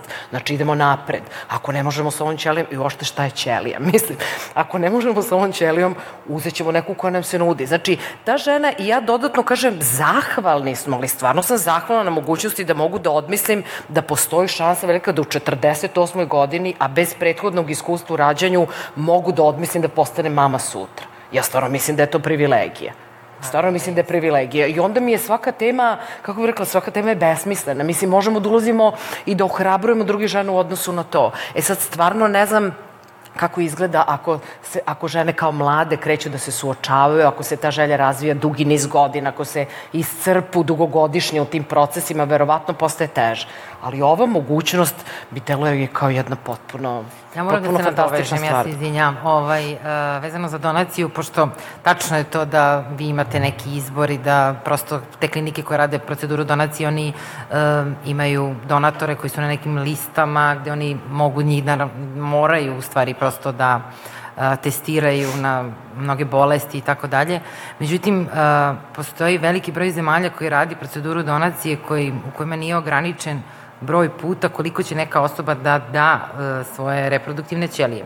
I o tome isto treba voditi računa, e, s obzirom na to da se dešava da se neki ljudi vraćaju ako ne postoji neki sistem koji prosto će da kaže, on, ta žena je dala, nije, nije nikakav problem da je ona dala i sedam puta i deset puta, ali da prosto vi to znate, da imate neku informaciju koliko je puta ta žena ili taj muškarac dao svoj reproduktivni materijal. Što se tiče e, svih ostalih parametara vezano za donacije, mislim da ti ljudi ne razmišljaju o tome, to sam nekoliko puta i rekla. Veliki je problem kada mladi ljudi ulaze u proceduru donacije zato što oni ponekad nisu spremni. E, mora da se naglasi činjenica da kako žena stari, da se žena rađa sa određenim brojem jajnih ćelija i da ona prosto te jajne ćelije koristi u toku svog života. Vi ne možete da se vratite u 25 kad imate 45 i vaša ćelija to osjeća i mm, e, sa 45 godina, zato su vaše šanse naravno i bile mnogo manje, e, ali je jako teško boriti se sa ženama koje imaju godine, a odbijaju donaciju. E, znači, m, i dalje idu sa 0,5% šansi u vantelesnu oplodnju sa njihovim ćelijama, bez financija, ne želeći da prihvate donaciju kao neku mogućnost. Znači, e, tu je jedna tačka gde vi ne možete nekoj osobi koja je, njima 48 recimo, imamo jednu članicu koja ima 48 godina i koja e, i dalje ide u procedure vantelesne oplodnje sa njenim ćelijama, ne želeći da prihvati donatorsku ćeliju kao mogućnost da, da ostane u drugom stanju. dolaze do iscrpljivanja i psihološkog da, i to je jedan primer. A drugi je primer kada vi imate mlade žene koje, ja sam imala devet vantelesnih oplodnji. Znači, to nije mali broj procedura ušla sam u vantelesno oplodnje kad sam imala 26. Znači mogu da kažem da sam neko ko je sa 26 godina se suočio sa problemom steriliteta i dan danas se nosi sa tim problemom. Uh, i mislim da sam dosta, um, sad kako, se, kako bih to rekla, da sam dosta toga prošla, da sam dosta toga videla, da se prosto umorite od tih procedura, da u jednom trenutku kažete pa dobro dokle više, pa da li je moguće da evo sad ovaj dobila iz prvog, ovo iz drugog, ovo iz trećega, da li je moguće da sam na devet prošla do sada. Ali uvek mora da se ide dalje. I ako je donacija nešto što će meni u jednom trenutku doneti dete, ja nikada ne bih rekla ne. I mislim da treba svaka žena koja prolazi mnoštvo procedura i koja vidi da prosto to ne ide, da, da jednom trenutku razmisli o tome i da kaže da ili ne. Ali sa činjenicom naravno da znate da su to mlade ćelije, da su to ćelije žena koje imaju U Grčkoj konkretno je starostna granica za donatorku 35 godina. Kod nas će u Srbiji biti 37 godina, koliko se ja sećam, 37, a za muškarca 40. Tako da to dobija se svakako mlađa ćelija. Ne možete da dobijete ćeliju žene koja ima 45 godina. Ali osvestiti žene da one sa 45 nisu isto što i sa 25 je najveća misija. Zato što e, vi ne, prim, ne primetite da godine prolaze, a godine idu. A vaše telo primeti. I ja imam analize svoje sa 27 i stanje mojih hormona i nakon, evo sad posljednja van telesna je bila pre dva meseca, recimo, potpuno, vi za taj period, se, moj hormonski status se potpuno promenio. Znači, možda ja to nisam osetila ovako, ali se to vidi. A neko ne radi uopšte hormone, onda uradi 45 i kaže, pa ja imam redovno ciklus, ja sam, ovaj, da kažem, dobijam, videli su mi folikule na ultrazvuku, ja mogu da ostanem u drugom stanju. E, nije to dovoljno. Prosto kvalitet ćelije je nešto što je jako bitno. A, još jednu stvar moram da dodam, a, neka istraživanja, nekad se mislilo da muški spermogram ne može da se pokvari, da muškarac može da napravi dete i sa 70 godina, da uopšte nije bitno, međutim, a, najnovije istraživanja kažu da i muški spermatozoidi stare, što znači da s godinama prosto muškarac isto menja morfologiju, a, brzinu, pokretljivost i tako dalje, tako da i to je jedan veliki, ne, ne kažem, prosto se mislilo tako da je to nemoguće poremetiti kod njih, ali kao što ne tom brzinom kao što mi starimo, ali stari i muškarci. I opet smo jednaki, eto, samo da kažem. Mislim da taj slogan je ono za majicu i spermatozoidi stare, opomena muškarcima, ono, prosto rušenje jedne iluzije i samo odbune. E, Daniela, e, u ovoj priči o, o, o borbi za roditeljstvo čini mi se nekako isplivava u stvari jedna, jedna ovaj, dihotomija, dakle kao ona stara psihološka dihotomija. Imamo s jedne strane roditeljstvo u onom biološkom smislu i u psihološkom smislu. I sad treba uskladiti naročito u ovim situacijama kada ovaj, to nekako mora da se, mu mora da se pomogne. E, da li postoji nekakva podeljenost u psihološkom smislu e, ili razlika između tog roditeljstva ili kako se ono shvata u nekakvom, nekakvom redovnom procesu kada žena zatrudni nakon odnosa i kada se dešava ova neka intervencija ili asistirana ovaj trudnoća. Pa moram da kažem da su se malo i neki, odnosno neki pojmovi sada imaju drugačije značenje. Ranije ste recimo imali e, biološku majku i majku koja odgaja dete. Sad imate genetsku majku, odnosno majku čija je jajna ćelija, imate biološku majku koja može da iznese trudnoću sa tom jajnom ćelijom i da rodi dete i, i možete da imate, ako je majka surogat, možete da imate dakle i majku koja odgaja dete. Tako da u tom nekom smislu postoje neke nijanse naravno na koje e, treba obraćati pažnju. E, ono što je tu važno, malo bih se osvrnula na, ovo, na ovu priču o donaciji. Postoje neke razlike e, u doživljaju e, kada, su pita, kada je u pitanju donacije spermatozoide i donacije jajne ćelije. Ono što je jako dobro e, kad je u pitanju donacije jajne ćelije, za, e, e, vi dobijete ćeliju druge žene, ali e, vam to omogućava da ostanete trudni. Dakle, da prođete kroz, kao, kao mama kroz iskustvo trudnoće, porođaja, dojenja, svega onoga što je jel, sastavni deo tog, tog početka roditeljstva. E, malo više e, problema, ne problema, nego mislim e, nekako možda negativnih stavova ima prema donaciji spermatozoida od strane muškog partnera koji ima problem, zato što se vrlo pogrešno, i to ima veze sa stigmom, neplodnost kod muškarca povezuje sa potencijom ili sa nekim seksualnim funkcionisanjem što nikakve veze nema. I onda se nekako o tome i manje govori i onda to bude i, i, i manji, i, u stvari veći problem da se, da se prihvati kao ideja. E, po meni jako je važno da se medicina toliko e, razvila. Recimo sada se, e, sad i rade, to će bolje Ivana znati kao biolog, sada se čak i radi nešto, neki postupci koji su još uvek jako skupi, da vi napravite jajnu ćeliju koja ima deo materijala i, da kažem, i genetske majke i biološke majke. Dakle, da Rođeno je. Da, rođeno je dobro, ali kažem još uvek je eksperimentalno. Tako da, ali ono što je takođe važno za ovaj proces, to je da kad, kad vi se suočite s tom diagnozom, vi daleko više morate da razmišljate o svojoj motivaciji zašto vi želite da postanete roditelj, pa ima gomila tih nekih nijansi, nego neko ko je sad prosto rešio da bude roditelj, relativno brzo dobio dete i sad ima neku ideju šta je tu njemu važno u roditeljstvu. Sad vi ovde imate i to da nekako želite nekog da volite na taj način. Ima i ta priča o tome da sad je to neko nastavljanje linije, neka genetska povezanost.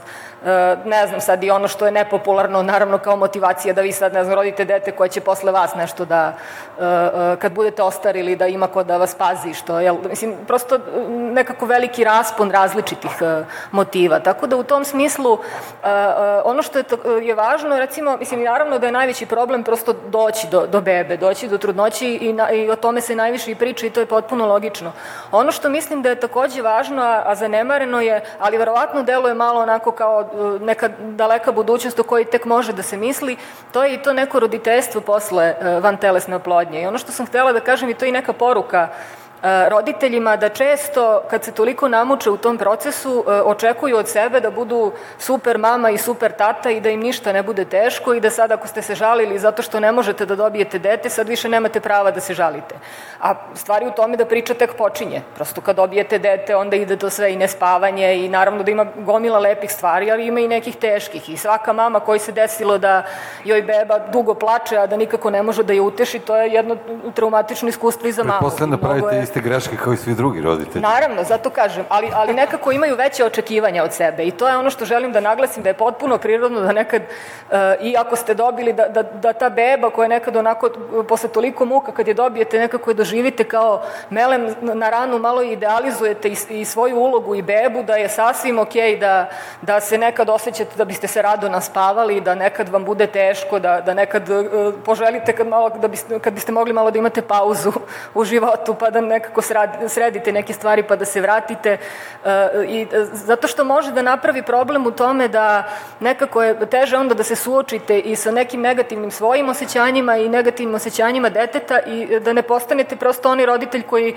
prezaštićuje dete, pa onda ne, u nekom u razvoju kad mu je važno da ima neku svoju anatomiju, da, da, da, da neku svoju autonomiju, da zbog ovaj, raznih tih strahova od ranije i trauma koje su zaista tu i kroz koje ste vrlo verovatno prošli kroz ceo taj proces, da iz, iz tog razloga zbog svoje anksioznosti prosto nekako onda vam bude teže u tom procesu. Tako da mi psiholozi, mi sad mislimo o tu, o, o više generacije kad govorimo o ovom procesu, ali mislim da je negde možda važno bilo i to pomenuti. E, sad, e, Sandra, da li, mislim, pričala si o toj stigmi e, u, Srbiji, mi sad kao društvo, e, koliko, koliko si osetila i ti lično, a i ljudi koje srećeš svakodnevno u udruženju, kako izgleda ta, ta stigma? Mislim, je, se, je li to ono nešto iza leđa ili, ili, mislim, šta je to što najviše boli u, u odnosu okoline prema nekom ko se bori za roditeljstvo? Je li to nešto što ti, što dolazi do tebe onako direktno, javno, osim ove birokratske procedure i ove papirologije koja je manje više u zdravstvenom sistemu univerzalna? Šta je to što u stvari najviše pogađa? To je sad širok spektar, stvarno, ovaj, ima tu svega. E, ja sam malo prepomenula e, društvo koje ne prihvata kad e, se po nečemu razlikujete. Društvo očekuje od žene koja se uda da rodi dete, tačka. E, prosto očekuje se da ona sledeći korak je ono što ste i vi na početku promenili, a šta ima novo, je tako? To se isto i dešava i ovim parovima. E, To je neki sam početak. Međutim, uh, stigme se javljaju na, na, na nekim raznim nivoima, prosto zavisi od da li je to manja sredina, da li je veća sredina u pitanju, ali prosto i ne možete ni da predvidite sve situacije koje mogu nekog da zabole.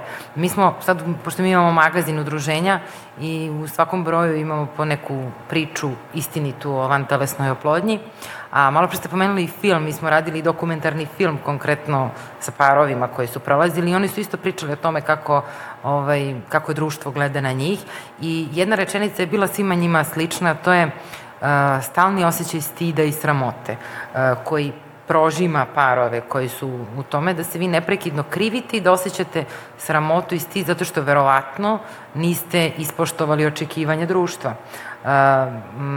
To je nešto što obeležava njih. E sad, mislim, to je nekako, da kažemo, ide globalno, ali na ovako nekom mikronivou um, negde bi se oslonila na uh, dečije rođendane slave, velika slavlja, da li su to, ne znam, do nove godine, Božić ili šta god, ti neki praznici kad se očekuje da porodica prosto bude na okupu, da čak vi kad odlazite, kod, prosto obilazite porodicu, vi odlazite u paru bez dece, gde vas već automatski to nešto pogađa. Um, I to su, ako su u pitanju dečiji rođendani, malo pre ste vi pomenuli isto upravo tu priču gde ljudi uh, prosto se očekuje da dolazite u igronicu sa detetom, gde vi dolazite samo, samo vas dvoje. Um, ono iza leđa je konstantno, naročito u manjim sredinama, ponovo kažem, gde se kaže to, to su oni što nemaju dece. Ovaj, ili se kaže, one, kad prijatelji koji ostvare trudnoću prirodno e, treba da vam saopšte takvu vest i oni imaju neku bojazan kako da to kažu. Ovaj, pa se automatski tu javlja neki dodatni problem. E, naravno da su to ljudi koje vi volite i naravno da su to ljudi kojima vi želite se najbolje, ali normalno je, kažem, da se prosto ti svi ljudi osete loše zbog toga. Najgore su situacije kad postoje direktne prozivke e, najbližih, ima i takvih situacija, od strane sve krve, od strane nekih rođaka, e, najčešće, da kažem, eto, od strane sve krve upućenih e, ženama koje, koje nisu ostvarile trudnoću, a najzanimljivije su situacije kada e, njen sin ima problema, ona to ne zna, a proziva znaju da je ona jalova. E, ima dosta takvih situacija da se to krije, da je do muža, da kažem prosto do muškarca, a m, prosto se krva krivi znaju da još uvek da nije nastavila lozu. I negde postoji, ponovo se vraćam na tu priču korena, iako mi svi odbijamo, mislimo da smo savremeno društvo i ja sam stvarno mislila da svi ljudi znaju šta je to. Međutim, čim smo malo zakopali po, po toj nekoj površini, shvatila sam koliko je ljudi u stvari koliko je naša sredina zatvorena. Ta priča koja će sad biti u novom broju magazina, ne, nju smo ostavili za sajt, bilo je više, stiglo nam je nekih 15 sigurno, uh, počinje rečenicom ja sam dete iz jedne male uh, siromašne sredine i uh, to su, u pitanju su dve sestre, uh, gde se očekivalo da oni imaju muškog naslednika, ali prosto oni su dobili njih dve i ona je preuzela mušku ulogu u toj porodici, a nije nastavila lozu dalje. I to je m, toliko jedna strašna priča, mene onako baš pogodila zbog toga što m, sam imala utisak da smo mi to prevazišli, da je 21. vek, da se toliko priča i da mi pričamo i da evo donacije je tu i prosto da li je moguće da društvo i dalje gleda tako na to, ali gleda. I ima raznih osuda, evo, ja sam navodila skoro jedan taj, imamo primer tog para jednog iz Beograda, um, oni su imali dosta, dosta vantelesnih oplodnji, sad ne mogu da setim tačno koliko, ona je učiteljica. A, roditelji iz te škole su odbili da, da upišu decu u to odeljenje zato što ona nema dece. Oni ne znaju da se ona, su, da ona ide na vantelesnu oplodnju, ali ona nema dece i ona automatski nije dobar pedagog, ona ne ume da se posveti dovoljno ili šta god. Tako da ima tih primera, stvarno onako sijaset, ovaj, uh, ja ne volim da ih navodim zato što imam se kao da tako otvaramo maštu sad ljudima kako, ne. kako se mogu da reaguju na to, ovaj, ali u suštini treba samo, uh, ne treba se bojati toga kako prići tim ljudima. Samo treba biti obazriv, to stoji, ali ne postavljati pitanja šta ste uradili na prethodnoj van telesnoj oplodnji ako vas stvarno ne interesuje da vam to neko ispriča. Ne radi reda. Znači, ne samo da pitam šta je bilo poslednje, nego često se dešava da parovi žele da objasne, ali ljudi se ne udubljuju tu temu i onda, onda se zatvarate. Onda dolazi do onoga što, što ste vi malo pre rekli, da prosto ljudi ne žele da opterećuju okolinu, da sad pričaju celu proceduru, šta je bilo, kako je bilo, da li je bio transfer, koliko embriona i slično, Ako vas stvarno zanima nešto, onda pitajte. Ako vas ne zanima, reda radi, oseti se da je reda radi.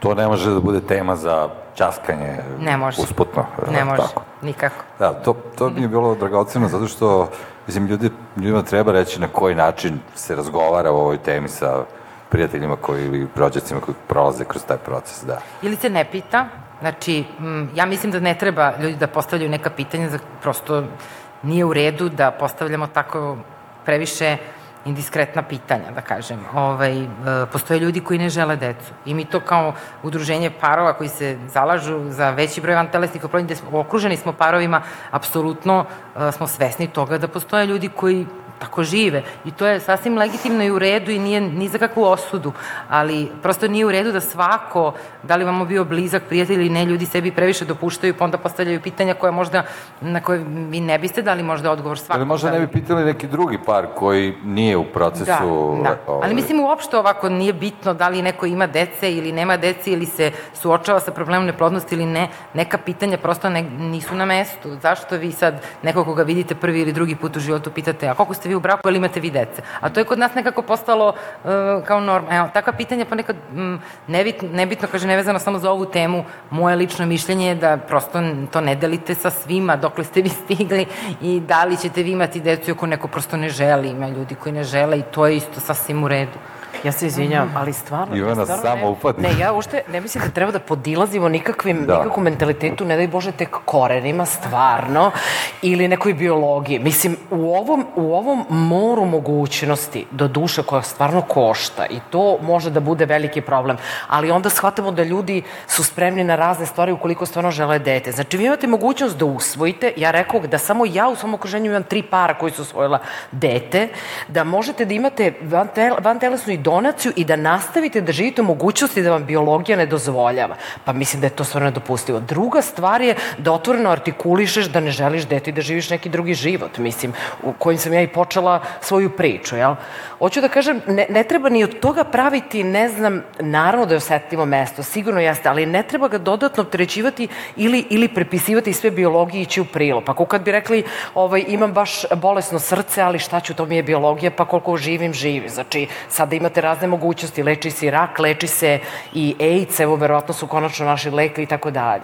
Mislim, treba verovatno vi, a i... E, sistem mnogo, drugo, mnogo više da radi na popularizaciji, da, da sociološki malo relaksira to mesto, jel? ili da omogućava kroz programe kroz koje radi finansijski, ili da kaže postoje razne druge mogućnosti. Nije jedna jedina, tako je ti biologija ne dozvoljava, pa sad ništa ti sedi skrštenih ruku i pati celog života, a drugi neće ništa da te pitaju.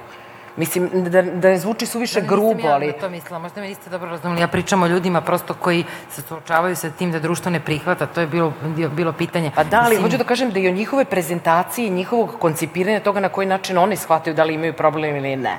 Da li oni prave problem od toga ili ne, ukoliko znamo da postoji rešenja razna koja sam nabrala u odnosu na to šta je problem. Razumete? Mislim, verovatno sad ja, ja znam da pričam iz druge pozicije. Sigurno mnogo lagodnije, relaksiranije u 48 godina sa dovoljno sredstava da uđem u sve to i ostalo. Ali, ali, A da li ja bi ohrabrila, ohrabrila to. Ja, Izvini, govorim ti, ovaj, Ti, ti. osjećam neku Ti, vrstu ti. intimnosti, pa sam zato ovaj, rekao ti. Ovaj, ali da li, si, da li si nekad bila povređena nekim komentarom, nekim, ne, ili si uspela da razviješ tako jake mehanizme kod sebe, a očigledno, mislim, mogu da vidim, Da. da se to malo tebe odbije kao ping-pong loptica. Kako si Ne, ja uspela? stva, ali stvarno iskreno nije, nije mi to bilo tema dugo u životu. Htela sam karijeru, družila sam se, putovala, zabavljala i ostalo. To je dugo vremena bila tema. Vjerojatno tema kao kolateralna šteta ovih, ovog kasnog odrastanja ovim našim uslovima. Može i to, to da se kaže. Ja moram da priznam, tek sam sada u ovom procesu, tek u ovom procesu sa jednim i drugim i trećim i sedmim neuspehom sam mogla da razumem ili da osetim ovo što, što Sandra priča. Znači, način na koji sad postoje očekivanja sa druge strane koja svaki put vas prate. Šta je bilo, da ste pokušali, ma hajde, bit će opet, ili ma ajde, nemoj da tuguješ i tako da. Znači, imate jedan deo, ali vi stvarno morate nađete to neko težište u sebi, da znate prvo hoćete li, da li ste spremni na to i koja sve sredstva koristite da do toga dođete. Mislim, ne znam šta bih drugo rekla, ne bi stvarno mogla da se prepustim ili sad, evo ja ću stvarno uraditi, ja ne znam šta će biti rezultat, ja i dalje želim i nadam se, ali sigurno je drugačije u 48 godina i sigurno je drugačije s ove pozicije to razumevanje, ali ne bih tako lako prepustila sve mentalitetu i običajima i toj siromašnoj sredini i biologiji i ostalim kada znamo da postoje mogućnosti, evo sad kažete i država će ovde da omogući, ja, ovo za 10 godina, znači Vi to, Sandra, bolje znate i vi, Daniela. Znači, ovo će, ovo će dramatično uticati na partnerske odnose. Znači, ceo koncept donacije, sur, surogatstva, s- znate koliko vi vjerojatno bolje znate. Ja imam telefone sigurno nekolicine samohranih žena u Srbiji, ne u Beogradu, koje imaju te takozvane skandinavske bebe preko makedonske bolnice koja uvozi a, muške polne ćelije iz Danske kao najveće baze ovde. Znači, same žene koje su se isto tako iz sredine, iz Srbije, malih sredina, odlučile da samostalno, samostalno podižu, podižu tu decu. Ja bih mislila u moru tih primera i mogućnosti, vi i neki drugi mi treba više da radimo na popularizaciji toga, da se to malo relaksira, to mesto, da ne Ali bude... Treba, treba da se priča na pravi način o tome. Znači o tome kakva je to procedura, kako se prolazi, o tome mi sad pričamo, ali ako mi imamo medijski zastupljenu priču na jedan vrlo skaradan način i pogrešan o cijeloj proceduri i van telesne oplodnje i donacije, i ako prve teme koje vi pročitate su tržište, cr, crno tržište embriona, ćelija i tako dalje. Ako- beba. Da, da, Ovaj, da. evo, Mislim, e, onda mi, mi Ti si imala dobar primjer, da Sandra, u, u, u jednoj televizijskoj emisiji u kojoj si govorio o temi, lekar je opisivao taj proces kao otprilike nekako alhemijsko mešanje u sred neke činije stoji jajna ćelija, a okolo se ubace spermatozoidi Igraju, da. raznih muškaraca i onda koji prvi oplodi i onda tako sad pa vi onda ne znate ko je, misli kao nekakva lutrija i to je bilo sve na državnoj televiziji s nacionalnom frekvencijom u dnevnom terminu. Jeste, i Znači, zato potpuno kažem, apsolutno ste vi u pravu, ali put je dug do toga što vi pričate, jako Da, dug. da. Ja sam živela u iluziji da je to mnogo lakše, međutim, kažem, kad, sam, kad se malo uđe u sve to, ako imate jednog ginekologa koji kaže da je, donat, da je prosto uzeta jedna jajna ćelija i da su tu pušteni spermatozoidi raznih donatora, plus spermatozoidi supruga te žene i da se žena je posle ostala u drugom stanju i da se eto sad ne zna čije je to dete, ovaj, znači da čovjek apsolutno ne poznaje proceduru van telesne oplodnje niti donacije ovaj, i da ne zna ni kako se radi. Ali ako vi to govorite ja, javno prosto i na takav način edukujete ljude, ovaj, m, to jeste jedna vrsta edukacije, zato što to ipak priča ginekolog, onda dolazimo do drugih problema, a to je da ljudi, mi smo takav narod, podložni smo tome da poverujemo tom belom mantilu koji nešto priča i onda je iz tog razloga i dolazi do toga da ljudi prosto nemaju e, da ulaze u neke strahove dodatne. Ja kažem, jesu veće mogućnosti, 41 godinu se radi procedura van telesne oplodnje, prošle godine je bilo 40 godina, to jest Luiza Brown je napu- napunila 40 godina, godina, evo sad je 41. godina, ovaj, to je jedan dug period, donacija se radi takođe jedan dug period, znači dobro je što to dolazi u Srbiju, ali mora da se priča na pravi način o tome, a ne na, uz pomoć skandala, uz pomoć toga da ja sam uvek za to single žena u Srbiji treba da ostvari trudnoću. Mi imamo članice XY njih koji su ostvarile trudnoću same bez partnera. Da li su one bile u Makedoniji, u Grčkoj, ne mogu da rade to u Češkoj bez partnera, ali ima zemalja u Evropi koje to dozvoljavaju. I apsolutno je to nešto što podržavamo. Ali kažem, prosto, uh, nemojte onda te žene da svrstavate u grupu da se ne zna ko je otac i ona je tamo otišla, pa ne znamo sad, ovaj, prosto je žena bila na donaciji. Ajmo onda da prvo pričamo šta je u stvari donacija i da naučimo da prosto znamo kako se uopšte ulazi tu proceduru i zašto neko ulazi, da bismo onda osudili, ne daj Bože, nekog zbog toga.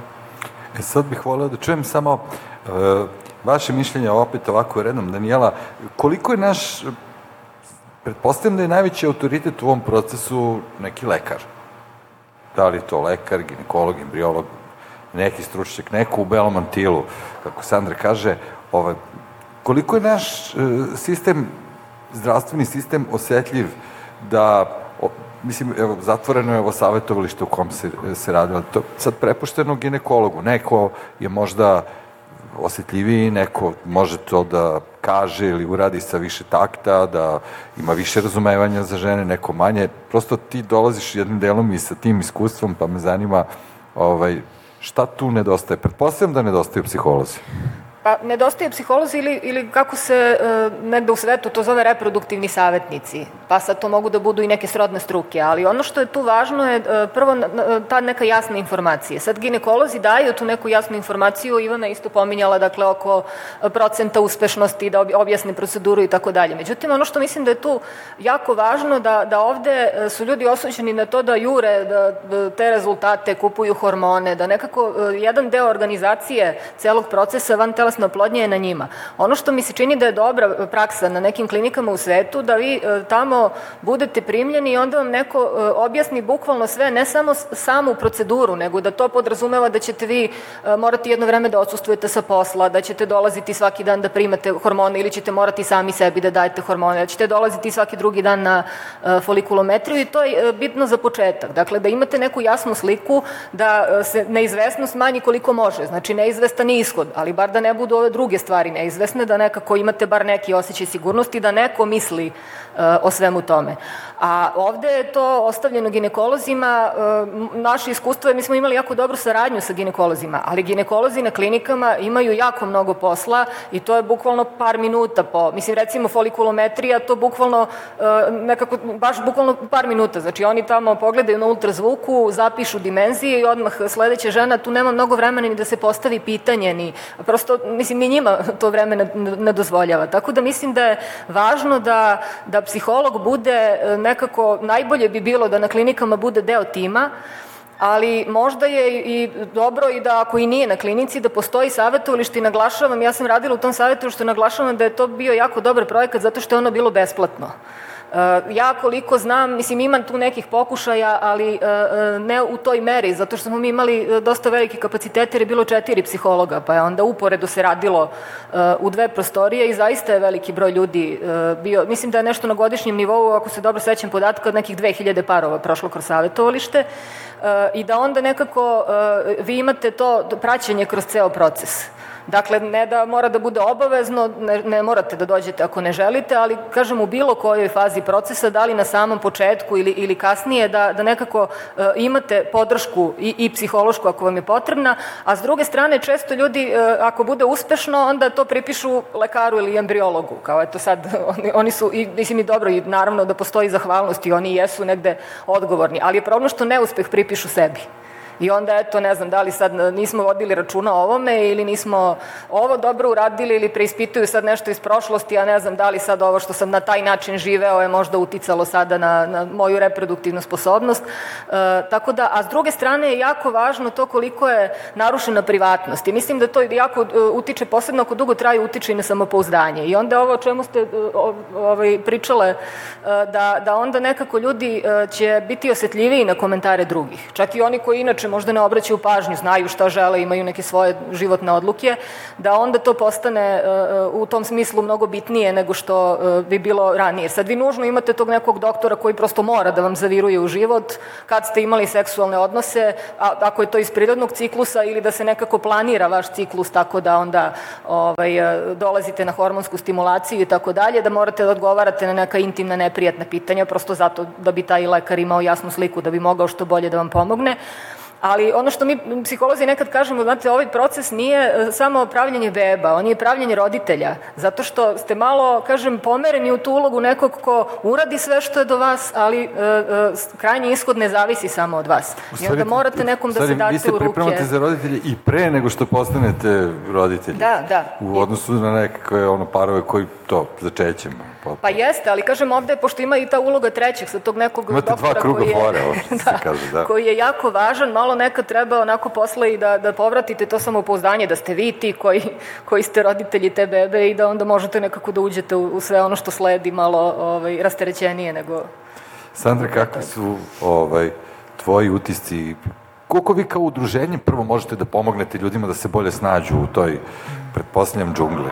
Pa ja mislim da im odlično pomažemo. Mislim, ja sam jako zadovoljna. Ovaj, prvo taj osjećaj toga da oni nisu sami u svemu tome, jer oni kroz udruženje vide koje je to broj ljudi koji tu prolazi. Mi smo imali grupe podrške gde smo njima direktno i pomagali. Imamo infotelefon gde oni mogu da pozovu u svakom trenutku dana i noći za bilo koju informaciju. Međutim, um, da se nadovežem na Danijelinu priču, ginekolog nije psiholog i nikad neće da bude. Psiholog je psiholog. Uh, prosto, um, svim tim parovima jeste potreban psiholog. Bez obzira da li su oni na početku procedure, da li su imali neuspešne, da li su uspeli, znači prosto psihološka podrška je nešto za čime svi parovi u Srbiji koji se sučavaju s ovim problemom vape. E, zato što ne mogu sami da se izbore sa svim pitanjima koje im prolaze kroz glavu, sa svim nedoumicama, tu mislim na te psihološke stvari i tu prosto mi kao udruženje ne možemo toliko da im pomognemo. Zato što mi nismo stručni, kao što nismo ginekolozi, takođe nismo ni psiholozi. E, ono što mi njima pružamo jeste taj osjećaj zajedništva i to je neprocenljivo. Sve događaje koje radimo, magazin koji imamo, film koji smo snimili, sve ostalo, negde njima pokazuje direktno na kakve se probleme nailaze parovi u Srbiji, da su oni jedni od tih parova. I to je jako značajno za njih, zato što e, onda shvatite prosto da niste vi jedini u tom problemu, jer kad stojite tamo negde u nekoj čekaonici ili ste u klinici i čekate pregled, vama se čini da samo vi čekate na vantalesnu oplodnju tu. Ne daj Bože, ako uđete u razgovore sa drugim ženama, tu odmah se upoređuju rezultati, odmah se osetite još gore, zato što vaš rezultat nešto nije isti kao njen i slično. Tako da je potrebna neko ko, potrebna je osoba, psiholog, konkretno, koja bi pratila mm, celu tu proceduru od početka do kraja. Ne neko ko će da uleti na trenutak kad je neuspe, neuspešna beta ili to jest kad, je, e, kad nije uspela vantelesna oplodnja i koji će uh, u tom trenutku instant da pomogne nekom, nego neko ko je upoznat sa tim parom, neko ko će kad uđe par u kliniku na početak prve procedure koja je uvek nama svima u glavi ta prava i odmah će to uspeti i to je to samo odete, ubace vam bebu i vi ste već trudni, onda da ilazi ono veliko razočaranje ako se ne desi to. Znači neko ko će zna, poznavati njih. E, rađene su tu razne neka istraživanja i ovaj, prosto ljudi, pitamo se da li bi više ljudi volili da budu u društvu tih parova, znači da li bi sad, ne znam, 5-6 parova, da li bi im bilo lakše da imaju seansu ili razgovor sa psih, psihologom u toku procedure zajedno ili odvojeno. I to je isto interesantno da prosto uh, znači i ti zajednički razgovori, ali znači i individualno. Uh, mislim da bi svaka klinika u Srbiji, bez obzira da li ona bila državna ili privatna, morala da ima psihologa koji bi radio sa tim parovima i to se i praktikuje negde u inostranim klinikama da postoje ti konsultanti, kako ste ih vi nazvali. Međutim, kod nas, da li su u pitanju financije ili u pitanju nešto drugo, prosto još uvek ne postoji. Ne može ginekolog da preuzme ulogu psihologa. On se bavi nekim drugim stvarima i ne treba da je preuzima. Prosto njegov posao je da meri folikule, da nam objasni kako funkcioniše procedura van telesne oplodnje. Ne treba da nas teši. Meni je jednom jedna lekarka rekla ovaj, jednu rečenicu, ja sam se rasplakala posle jedne intervencije koju sam imala, ovaj, pošto je bila, mislim, prilično onako strašna, ona mi je rekla, slušajte Sandra, ja nisam vam psihijatar niti psiholog, idite plačite negde na nekom drugom mestu. Tako, vrlo jasno. Tako da m, mm, nisam ni posle to, to, te rečenice nikad ni očekivala neku empatiju ili bilo šta, u mnoštvu prosto jurenja za procedurama sledećim i da se uradi što više toga, ja mislim da tu više nema empatije između pacijenta i, i lekara. E, Ivana, iz tvoje priče sam, ovaj, ko je za tebe bio autoritet u ovom procesu? Pošto sam primetio da, da, da tekao utisak da imaš poverenje u nauku, u, u medicinu, je li to taj lekar, ali isto tako sam vidio da si reagovala i na priču o samopouzdanju, jel, kako to izgleda?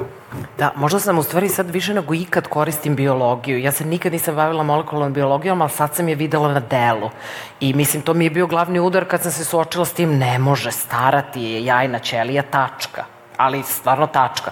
Možeš da pokušaš još koliko puta hoćeš, ne može dalje od ovog. I sad više nego ikad gledam u biologiju i to u stvari mi je najproblematičnije što se svedemo stvarno na jedan biološki entitet koji sad samo prati te parametre. Dodatno, s čime se vi nosite, ali suštinski oni vas gledaju kao objekat ovaj parametar je ovoliki, statistika je ovolika i sve vreme samo to ovaj obitava. Ja sam, ja u stvari u, u ovom slučaju više nego ikad verujem u nauku, to je vrlo dobro pitanje jer uopšte nisam biolo, biološki tip, naprotiv, vrlo sam, vrlo sam uh, uh, verujuće u socijalne i zato čak, čini mi se da sam i lakše izgurala ovu priču sa donacijom ili da sam sebe ubedila da je lakše, zato što mislim da je ovaj socijalni aspekt ili ono što dolazi kasnije mnogo intenzivnije i jače. Um, ja sam nekako sebi bila sve vreme. Glavna. Glavna mesto ali stvarno, mislim stvarno, i naravno moj partner, mislim, ne mogu da, ne mogu da kažem stvarno ujedinjenu teme. Imali smo niz, da ne ispada sad da sam ja, ne znam, neka, nešto, da je to sad sve tako lako teklo. Ja sam namerno dala akcenat na nekim drugim stvarima, ohrabrujući i razumevajući da stvari mogu i drugačije da se vide, ne samo kroz tu empatiju, kroz neki patos i kroz neko dno iz koga nema povratka, nego još ovo jedno od naših uloga u, kome, u kojoj postoje mogućnosti da se ostvarimo ili, ili ne ne. Um, ja toliko verujem da ću uspeti, Mislim, bilo bi dobro da se pojavim, da se pojavim na nekoj sledećoj trudna. Ja se sad izvinjam što uzurpiram prostor na ovaj način, ali ja toliko mislim da ću uspeti da ni ne mogu da se sklonim s tog mesta. Tako sam isto mislila i da ću u ovom svom prirodnom procesu uspeti. Bili su strašni padovi, strašni padovi.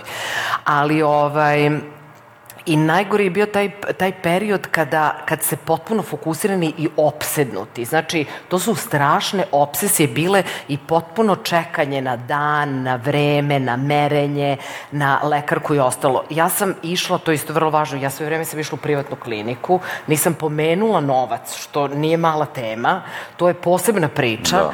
Ovaj, I u u toj privatnoj klinici je to jedno, po preporuci, to je potpuno jedan drugi tretman, način na koji vi komunicirate sa lekarkom preko Vibera u svako doba dana, imate preporuku i drugih lekara. U svakom trenutku su na spolaganju svi, skoro po 24 4 sata. To plaćate, naravno.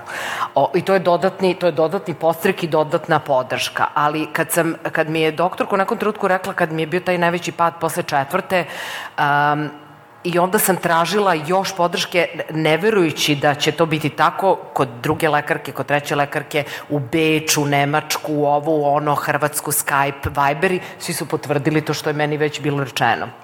I onda sam se malo odmakla i onda sam iz, iz, iz toga izašla iz te vatre, iz tog centra i onda sam mogla ovaj, da malo racionalnije razmišljam i da onda malo ovaj, relativizujem, relativizujem to mesto što mi je, što mi je naravno pomoglo ali u svakom slučaju ja sebi podrška najveća, partner podjednako i naravno lekarka koja mi je vodila, vodila ceo proces. Ne, govorim naravno o mreži, mama, sestra, svi ostali koji su potpuno tome ovaj, kao, kao podrška. Da, da. Nemam još mnogo vremena, ali bih voleo da se u ovom trenutku i vi uključite ako neko želi da nešto prokomentariše ili da neko svoje mišljenje, evo sad je prilika.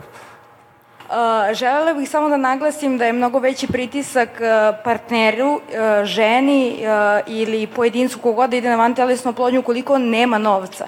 Mislim, lako je olakšavajući moment kada znate da ćete imati novca da odete u sledeću proceduru, ali kada vi iscrpite poslednje svoje mogućnosti i znate da ih više nemate i da je to možda vaša poslednja šansa, jako je teško ući samouveren i imati samopouzdanja da gurate, da se trudite i imate volje za dalje. Tako da je finansijski moment nešto na što se zaista treba onako malo više osvrnuti. Hvala. Da, ja sam razmišljao o tome, e, država pomaže tri pokušaja. Jeste. E, ja sam uvek razmišljao o tome, imaš kao tri, Tri pokušaja ili tri šanse, a onda iza toga ostaneš sam. Da, ali znate kako, tri pokušaja, to, to nije mali broj. Mislim, nemojte da, nema, ne možemo da kažemo da je to mali broj procedura svakako. Ovaj, veliki broj parova iz tih procedura dobije dete. Međutim, ostane taj jedan mali broj parova koji ni iz ta tri pokušaja ne dobije ovaj dete. To je otprilike negde od 20 do 30% tih parova. Znači, očekuje se da će posle prvog pokušaja 1% dobiti, posle drugog, posle trećeg i tako dalje. E, Postoje određeni kriterijum, ja sam se malo preosvrnula na to i još jedno bih, znači, bez obzira, uvek kad pomenjamo finans, finansiranje, svi odmah kažu imate tri pokušaja države. Znači, niko ne zalazi dalje u to da vi morate da ispunite određene kriterijume da biste vi imali te pokušaje. Tako da postoji takođe jedna velika grupa parova kada je u pitanju muška neplodnost i muški sterilitet, muškarci koji imaju dijagnozu azospermije, uh, on, ti parovi ne mogu na proceduru o trošku fonda uopšte postoji niz analiza koje vi morate da uradite i ako neki parametar nije odgovarajući, ako imate neku bakteriju, vi ne prolazite komisiju. Znači, tako, mislim, to je sve naravno u redu da ne možete vidjeti u proceduru vantelesno oplodnje ako imate neku bakteriju koja može biti opasna, ali, a, kažem, to nije tako jednostavno da, eto, imate tri procedure i to je to. Znači, tri procedure, da, starostna granica za ženu 42 godine o trošku fonda, bez mogućnosti, znači samo u slučaju da je očuvana ovarijalna rezerva kod žena i da u slučaju da imaju žive i morfološki ispravne spermatozoide, da, u tim slučajevima oni imaju prava. Financije nakon toga, eto je jedna ogromna tema, mnogo para je potrebno za ovaj jedan veliki poduhvat u koji se ulaže mnogo nade, u koji se ulaže sve što imate. Ja imam dva kredita iza sebe, Znači, nisam neko ko može sebi da pre, priušti olako neku proceduru. Um, procedure su skupe, lekovi su skupi. Uh, to je ono što vas dodatno opterećuje, lepo je ovaj, primetila gospođica. Um, to je jedan, jedno breme koje nosite. I onda, ako imate situaciju da e, prosto taj par nije prošao komisiju, da ne može o trošku fonda, da nema novca, onda je u kojoj situaciji? Prosto on, e, naravno da se nalazi u jednoj lošoj situaciji, da im je potrebna podrška i finansijska i psihološka i mnoge druge pomoći koje mi sad i ne pominjamo, ali prosto i razumevanje i tako dalje. E, postoje institucije koje pomažu zaposlene i to nekad mi njima, lokalne samouprave koje dodatno finansiraju postupke, ali oni imaju kriterijume, svi oni imaju kriterijume i to je i legitimno i u redu je da imaju neke kriterijume pod kojima će dati prosto novac. Ali kažem, e, mnogo je lagodnije kada nemate taj finansijski problem i kad znate da prosto vi ćete finansirati uh, dokle možete i dokle imate sredstava, a imate za recimo neki period, ovaj, tada onda nekako procedura bude svakako lakša. Bude i lakša onda kad imate zamrznute embrione jako, zato što imate rezervu. Onda je to neki osjećaj, pa sad ako se ne prime, evo ja imam zamrznute 2, 3, 5 ili ne znam nijakoliko, eto osjećaj, a kad baš sve, kad je sve onako bačeno na kocku, onda je svakako teško. Mm. Pošto se nalazimo na samom kraju večeri, ja bih vas zamolio, jako bih voleo od vas to da čujem, ovaj, pošto je e, Daniela prolazila sa parovima kroz te pokušaje i neuspele pokušaje i sledeći pokušaj. Šta kažete sebi ili šta kažete bliskoj osobi kada se desi neuspeli pokušaj i kada treba krenuti dalje. Šta je poruka, šta je savjet, šta je ta rečenica koju treba da kažemo takvim parovima?